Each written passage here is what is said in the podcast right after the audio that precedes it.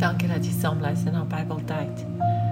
Vandag gaan ons gesels oor gebalanseerde lewe. 1 Korintiërs 10 vers 30 tot 31.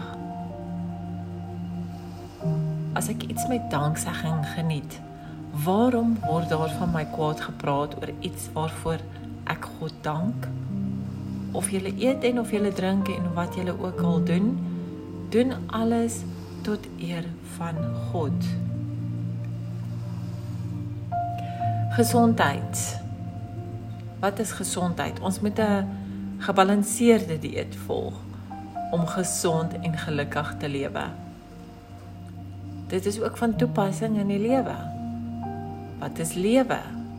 Om 'n goeie lewe te hê, moet ons 'n balans ontwikkel om te lewe volgens die Bybel en ons lewe hier op aarde te geniet. Solank ons alles geniet wat ons weet goed en reg is vir ons volgens ons Christelike waardes, is daar niks meer verkeerd om die lewe te geniet nie. Wanneer ons enigiets doen, moet ons dit op 'n Christelike manier doen, soos dans, sing, kuier saam met vriende ensovoorts. Ons moet nie ons stilte tyd inruil inruil vir kuiertyd nie maar 'n goeie rotine behou vir 'n gesonde lewe